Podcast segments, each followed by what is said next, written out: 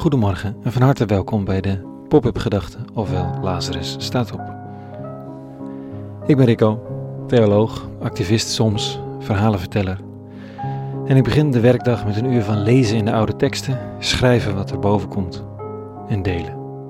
Het begint altijd met een titel, en dit keer De Goddelijke Soort. Pop-up Gedachten woensdag 20 mei 2020. Je hebt een God bedacht, zegt de ene mens tegen de andere mens, omdat het leven zo onverklaarbaar is. Omdat het fijn voelt om te denken dat je steun krijgt. Je hebt een godheid in de hemel geprojecteerd omdat al het onverklaarbare dan daarop af te wentelen is. Je hebt een God getekend, een machtige entiteit om andere mensen vervolgens je eigen macht op te kunnen leggen. Jij mens, bedacht God. Vroeger bouwde je een gouden beeld of eentje van zilver je hakte iets uit een boom of aanbad de boom zelf.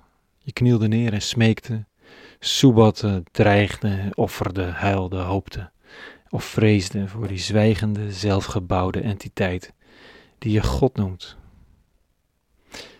Vandaag de dag doen we het zonder de zogenaamde afgodsbeelden, maar godsbeelden te kust en te keur, gebouwd naar onze eigen projectie.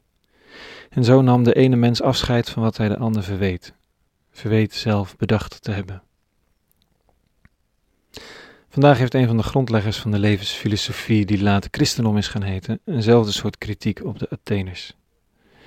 Jullie hebben overal goden voor gebouwd, zelfs voor de zekerheid dan maar een tempel voor de onbekende God.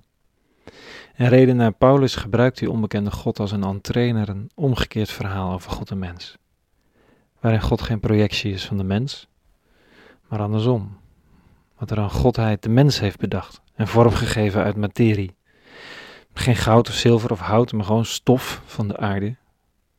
En dat die Godheid daar dan een levensadem in blies.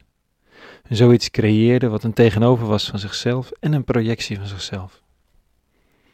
Heeft de mens nou een God gecreëerd die op hem of haar lijkt, of heeft de Godheid een mens gecreëerd die op hem of haar lijkt? Wat was er eerder, de kip of het ei? Of maakt het niet uit? Dit zegt Paulus vanochtend. Hij, die godheid is immers niet ver van ieder van ons, want door hem hebben wij het leven, het bewegen en het zijn. Zoals sommige van uw eigen dichters hebben gezegd, wij zijn van zijn geslacht. De mens is volgens Paulus een goddelijke soort. De vonk die ons leven en bewustzijn geeft, die maakt dat we reflecteren, moraal kennen, verantwoordelijkheid voelen. En dan niet alleen voor het eigene verantwoordelijkheid voelen, maar ook voor het andere. Voor dat wat ons omgeeft en waar we op wonen. Dat is de goddelijke vonk. De mens leeft in antwoord op dat waar hij of zij toe geroepen is. God zijn. Zonder de almachtige middelen overigens, dat is dan weer jammer. Het is allemaal maar tijdelijk, beperkt, onhandig soms ook. Maar wel goddelijk in zijn verantwoordelijkheid, dienstbaarheid, liefdevolheid. Paulus gaat verder en zegt: Als wij dan dus tot Gods geslacht behoren, moeten we niet menen dat, we het, goddelijke, dat het goddelijke gelijken zou, zij, gelijken zou op goud of zilver of steen. Of op een voortbrengsel van menselijke kunde en vernunft. Het is andersom. Het, zo zou je kunnen zeggen, het menselijk lijf is het materiaal waarin de Godheid een beeld heeft gehouden van zichzelf. Niet om te aanbidden, wel om lief te hebben. Niet om voor te neer te knielen, maar wel om te vragen en uit te nodigen om mee te, om mee te werken. Niet de mens maakte allereerst afgodsbeelden, maar de godheid zelf volgens Paulus. En zijn afgodsbeelden lopen op twee benen, bestaan in mannen en vrouwen en hebben een opdracht. De God van Abraham, Isaac en Jacob, de eeuwenoude kracht achter alles, die trilt in de beweging van alle cellen waaruit onze wereld is opgetrokken, die voelbaar is in het donder en geweld van immense natuurverschijnselen, die klopt in het hart van neushoorn en vinvis, die zichtbaar is in de structuur van insectenogen en bladnerven, die heeft zich uitgeleverd aan de mens. Knielt de Godheid voor de mens op hoop van zegen?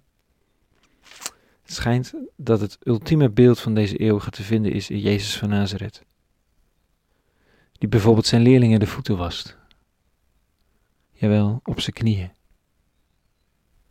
De Godheid vraagt de mens te doen wat de mens zo graag buiten zichzelf bij een ander legt.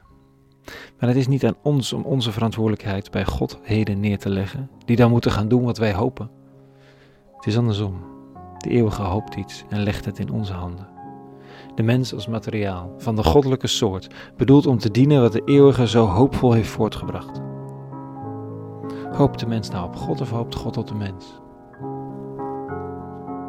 Hm. Tot zover vandaag. Een hele goede woensdag gewenst. En vrede, verantwoordelijkheid en alle goeds. Voor vandaag.